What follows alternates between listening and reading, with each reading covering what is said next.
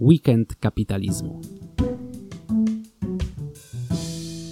Witajcie na naszych podcastach. Możecie słuchać tutaj różnych serii. Yellow Pill o Bitcoinie, komentarza Atlasa na temat bieżących wydarzeń, czy klasy Atlasa, swoistego podcastowego kursu filozoficznego.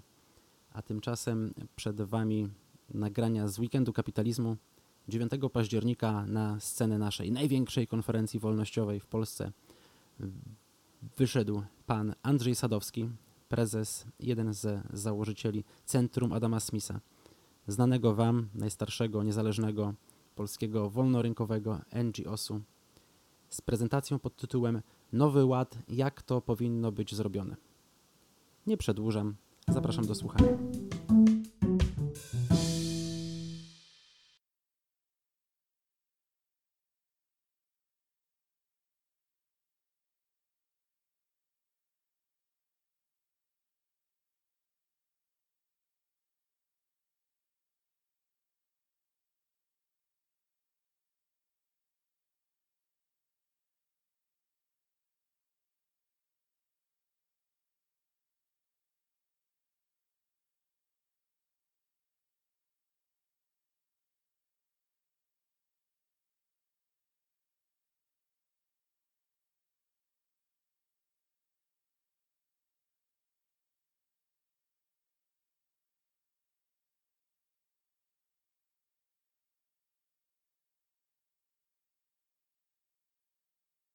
Sytuacja dzisiaj jest na tyle elektryzująca, że nie wiemy, co tak naprawdę przyniesie tak zwany Polski Ład od 1 stycznia przyszłego roku. Stąd warto się zastanowić, jaki ten ład jeszcze powinien być. Ład przedsiębiorczości, z którym mamy od dawna do czynienia, jest ładem naturalnym dla polskiego społeczeństwa, bo polskie społeczeństwo jest dzisiaj według badań Unii Europejskiej jednym z najbardziej przedsiębiorczych społeczeństw zajmujemy pierwsze miejsce wśród społeczeństw Unii Europejskiej. I tak na dobrą sprawę my też mamy swoje Apple, tylko że Polska stała się na przykład największym producentem jabłek, nie tylko jabłek i na tym też się robi bardzo duże pieniądze, nie tylko na e, technologii, którą część z Was pewnie używa e, i ma w swoich kieszeniach. Nie wiem na ile dobrze widać e, to zdjęcie, ale jest to zdjęcie, które obiegło swego czasu europejską e, prasę i, i sieć. Mianowicie jest to moment zatrzymywania polskiego kierowcy. Jeżeli się przyjrzycie temu zdjęciu, to zauważycie, ile polski kierowca potrafił umieścić przy jednym przewozie samochodów e, i pojazdów na jednej tylko, e, przy jednym kursie. To jest odpowiedź, że polski przemysł transportowy w ciągu ostatnich lat stał się numerem jeden w Unii Europejskiej, dystansując e, przewoźników e, francuskich czy niemieckich. Stąd dyrektywa mobilności, którą te państwa postanowiły narzucić Europie Wschodniej, Środkowo-Wschodniej w tym e, Polsce, była spowodowana, że w sposób naturalny na zasadach konkurencji nie byli w stanie nas pokonać, bo jeszcze polscy kierowcy byli o wiele bardziej i przedsiębiorcy elastyczni, jeżeli chodzi o trasy, godziny e, dostarczenia towarów. Stąd e, nie można w Unii Europejskiej zatrzymać polskich przedsiębiorców, jak kolejnymi dyrektywami i ograniczeniami które niestety zaczęły też akceptować i przyjmować polskie rządy. Mam nadzieję, że wszyscy tu na sali kiedyś mieli przynajmniej okazję e, poznać streszczenie książki e, Lalka, bo w książce Lalka jest taki fragment, e, który mówi wielokrotnie o Szwajcarach sklepowych. Szwajcar w XIX wieku i na początku XX wieku przed I wojną światową na terenach Polski oznaczał obywatela Szwajcarii, który przyjechał do Polski 100 lat temu za pracą. W Szwajcarii nie było pracy, docierali stąd do Galicji, do zaboru rosyjskiego, po to, żeby pracować w sklepach, po to, żeby pracować w hotelach. Także Szwajcar oznaczał między innymi boja hotelowego w polskim języku. Ale po 100 latach zauważcie, że Szwajcaria stała się krajem numer jeden, jeżeli chodzi o najlepsze państwo do życia, płacenia podatków i nauki, bo Szwajcaria ma najwyższy poziom oferowanej nauki, wyższy niż najlepsze uniwersytety w Stanach Zjednoczonych. Także to się stało zaledwie w jeden wiek. Dlaczego? To za chwilę też do tego dojdziemy. Co Hernando de Soto, badacz biedy, w takiej klasycznej książce Inny Szlak zauważył, że ludzie na świecie są tacy sami, także nie bardzo widać różnice ani anatomiczne, ani inne specjalnie między różnymi nacjami, narodowościami, ale to, co powoduje różnice w efektach pracy w tej samej jednostce czasu, to jest inny system prawny, podatkowy, instytucjonalny, a naprawdę to sprowadza się do dobrego lub złego rządzenia. Od dobrego lub złego rządzenia zależy poziom dobrobytu, czas tworzenia dobrobytu i przyrastania tego dobrobytu. Najlepszym takim przykładem, który jest trochę dla Was abstrakcyjny, ale to był NRD, czyli Niemcy wschodnie komunistyczne i Niemcy zachodnie, czyli te kapitalistyczne. Ten sam naród, mając tych samych poetów, ten sam język, e, tą samą de facto kulturę, po jednej stronie płotu tworzył Mercedesy, a po drugiej stronie płotu tworzył trabanty z plastiku w dodatku. Także to była kwestia nie ludzi, tylko systemu. Część zapewne miała kiedyś okazję poznać e, twórczość, ale George'a Friedmana, który napisał taką znamienną książkę Następne 100 lat, wskazując, że Polska będzie mogła, czy ma możliwość stać się lokalnym supermocarstwem. Na terenie Unii to Polska ze względu na przewagę wyżu demograficznego, na niezwykle przedsiębiorcze społeczeństwo i wiele innych elementów może stać się e, mocarstwem. Oczywiście, żeby stało się mocarstwem, e, muszą być spełnione kilka prostych warunków, które nie spełnia tak zwany Polski Ład, który wprowadza odwrotną e, drogę rozwoju dla tego kierunku, który prowadziłby Polskę do supermocarstwa. Także nie jesteśmy skazani na tą pozycję ani gospodarczą, ani pod względem bogactwa, jaką dzisiaj mamy. E, wedle analityka jednak pracującego dla CIA mamy szansę wszelką, aby być e, regionalnym supermocarstwem. Zapewne e, część z Was też zna twórczość George'a Gildera, który w takiej klasycznej pozycji jeszcze opublikowanej we fragmentach e, przez oficynę liberałów Janusza Korwin-Mikke w latach 80. zauważył, że właśnie bogactwo jest w większym stopniu produktem umysłu niż pieniędzy. Stąd pieniądze, którymi jesteście atakowani, że to pieniądze, ta deszczówka pieniędzy z Unii Europejskiej e, przyniesie nam dobrobyt, e, jest tezą fałszywą.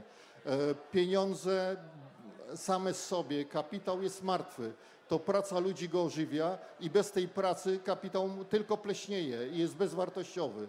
Stąd mamy przewagę nad innymi krajami Unii, nawet nie mając tych pieniędzy, mamy właśnie wyż demograficzny i y, pracowite społeczeństwo. Teraz przechodząc y, konkretnie do y, tak zwanego Polskiego Ładu. Dlaczego tak zwany? Dlatego, że w dokumencie, który się nazywa Polski Ład, jedyna grupa firm, która dostała uczciwe warunki, to znaczy niezmienność prawa przez 5 lat i niskie podatki, to międzynarodowe korporacje. Znajdziecie to w dokumencie pod tytułem Polski Ład, że te warunki dla międzynarodowych korporacji nie są dostępne dla polskich firm. Stabilność prawa i niskie podatki są tylko jako przywilej dla międzynarodowych korporacji. Stąd nic dziwnego, jak zauważycie, że e, w tym roku była kolejna edycja międzynarodowego rankingu dotyczącego, e, dotyczącego prowadzenia działalności gospodarczej i skomplikowania przepisów. Polska jest druga w Unii Europejskiej po Francji i dziesiąta na świecie, jeżeli chodzi o skomplikowanie przepisów. Nawet wydawałoby się, że takie oczywiste rzeczy, które dzisiaj wszystkim ułatwiają życie, jak cyfryzacja, w raporcie Banku Światowego, e, w raporcie, przepraszam znowu, Banku Światowego pokazało, że cyfryzacja w Polsce i w Hiszpanii została porównana. Tam na przykład e, doprowadziła do tego, że e, czas wypełniania, jakby czas obowiązków VAT-owskich został skrócony, a w Polsce dzięki zastosowaniu cyfryzacji wzrósł z 76 godzin do 172 godzin. Obowiązek. Tak też może wyglądać cyfryzacja. Cyfryzacja wcale nie musi być ułatwieniem i poprawą sytuacji. Niestety nowy Polski Ład, e, wprowadzając więcej obowiązków dla firm związanych właśnie z cyfryzacją, doprowadza do wydłużenia pańszczyzny biurokratycznej, jeżeli chodzi o czas zużywany na obsługę biurokracji.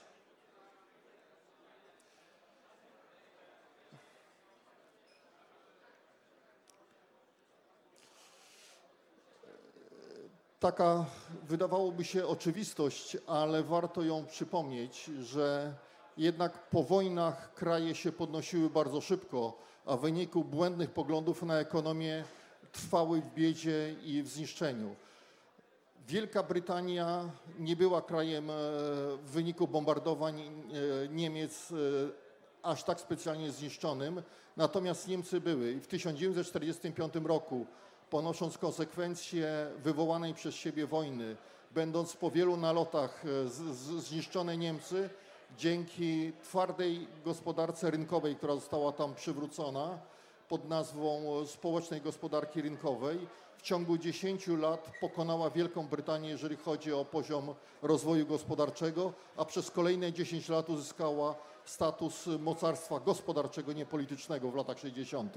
Także to błędne poglądy na ekonomię oddzielają nas od dobrobytu, który w Polsce jest na wyciągnięcie ręki przy tym potencjale, który mamy.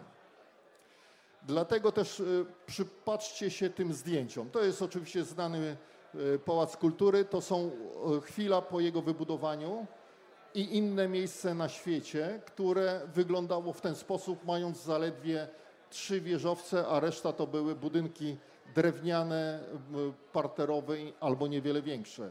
Dzisiaj centrum Warszawy wygląda w ten sposób, a centrum tego miejsca na świecie wygląda w ten sposób. To jest Singapur.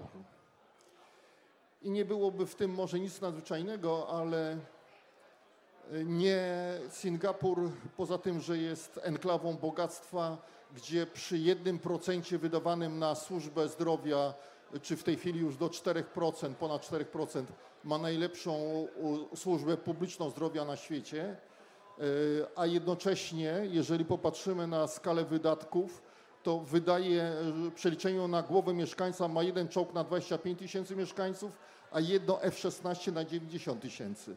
Polska ma jeden F-16 na 800 tysięcy i tak dalej. Im więcej wolności gospodarczej, tym jesteśmy w stanie obronić swoją niepodległość, a bez e, wolności gospodarczej ta nasza niepodległość jest dzisiaj ewidentnie zagrożona. Także nawet niepodległość jest związana z wolnością gospodarczą. I jak popatrzymy na najlepiej uzbrojoną armię na świecie, to Singapur zaczynał z poziomem życia, kiedy my mieliśmy już nawet e, ponad 3000 dolarów, nawet tej komunistycznej, biednej Polsce, oni zaczynali z poziomu 427 dolarów na głowę mieszkańca, Dzisiaj e, to jest ponad 90 tysięcy, a u nas w okolicy 30 tysięcy. To jest ten sam czas e, do przebicia, e, który pozwolił im się wybić na enklawę bogactwa, natomiast nam utknąć w tak zwanej pułapce średniego rozwoju, do której pan premier bardzo często się odwoływał. Tylko pułapka średniego rozwoju nie powstaje sama. Pułapkę średniego rozwoju dla polskich przedsiębiorców, polskiego społeczeństwa zastawili przez lata politycy, dokładając tych przepisów, które stworzyły z Polski jeden z najtrudniejszych miejsc e, do prowadzenia działalności gospodarczej. Nie łudźmy się, że Unia Europejska będzie dzisiaj e, dla nas e, alternatywą, że przyjęcie dzisiaj rozwiązań unijnych spowoduje, że będziemy tak samo bogaci jak oni, z tego względu, że oni już tylko bronią e, status quo i próbując przejść do stworzenia jednego, dużego organizmu politycznego de facto, nie są w stanie tego zrobić ze względu na to, co Arnold Toynbee napisał. Europa wymiera. To już nawet nie jest kwestia kryzysu demograficznego, tylko jest to kontynent wymierający. Stąd e, te zamierzenia, żeby stworzyć z tego super państwo, e, poległy już w momencie roku 2010, kiedy porzucono strategię lizbońską, a strategia lizbońska miała 10 lat wcześniej doprowadzić do tego, że Unia Europejska miała wyprzedzić Stany Zjednoczone do, do roku 2010. To nie, nie udało się już kilkanaście lat temu. Jedną z zasad centrum wpisaną do statutu jest taki aforyzm e, nomen omen e, Jerzego Leca, że tylko z jednego systemu nie wydobędziemy się długo z, z systemu słonecznego. Za mojego życia udało się z Polski wyprowadzić e, armię Związku Radzieckiego, który upadł, także i za waszego, a mam nadzieję też za mojego życia doświadczymy jeszcze takiego poziomu wolności, e, który pozwoli wykorzystać wszystkie możliwe talenty, jakie tutaj nie tylko na tej sali reprezentujecie, ale które są dzisiaj w Polsce. Gdyby ktoś miał ochotę podzielić się swoimi uwagami i, i też e, myślami, to mój adres mailowy się znajduje e, na, na tej stronie. No i też moje drobne ogłoszenie. W tym momencie przy, zaczynamy kilka nowych przedsięwzięć i szukamy asystenta, asystentki, także jeżeli ktoś miałby ochotę popracować, ale za pieniądze, bo praca wiąże się z pieniędzmi, to y, proszę o e-mail. Dziękuję bardzo.